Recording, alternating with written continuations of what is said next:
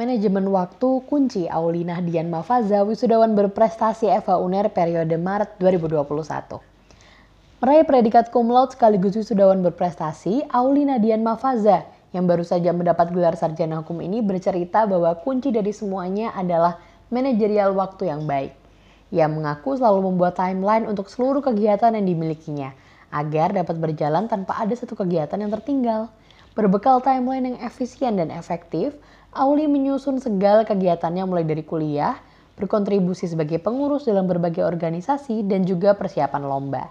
Mahasiswi kelas internasional ini berhasil meraih juara satu IHL Debate Competition ICRC yang menurutnya karena teamwork dan kerja keras adalah kunci dari kemenangan lomba yang beranggotakan tiga orang ini.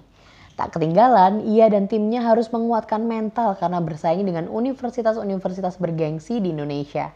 Selain IHL, Auli juga pernah meraih juara satu lomba debat pekan ilmiah mahasiswa UNER 2017, juara dua overall best written memoranda dan mendapat penghargaan The Sarah Darrington Encouragement Award dalam International Maritime Law Arbitration Moot atau IMLAM 2018 di Brisbane, Australia.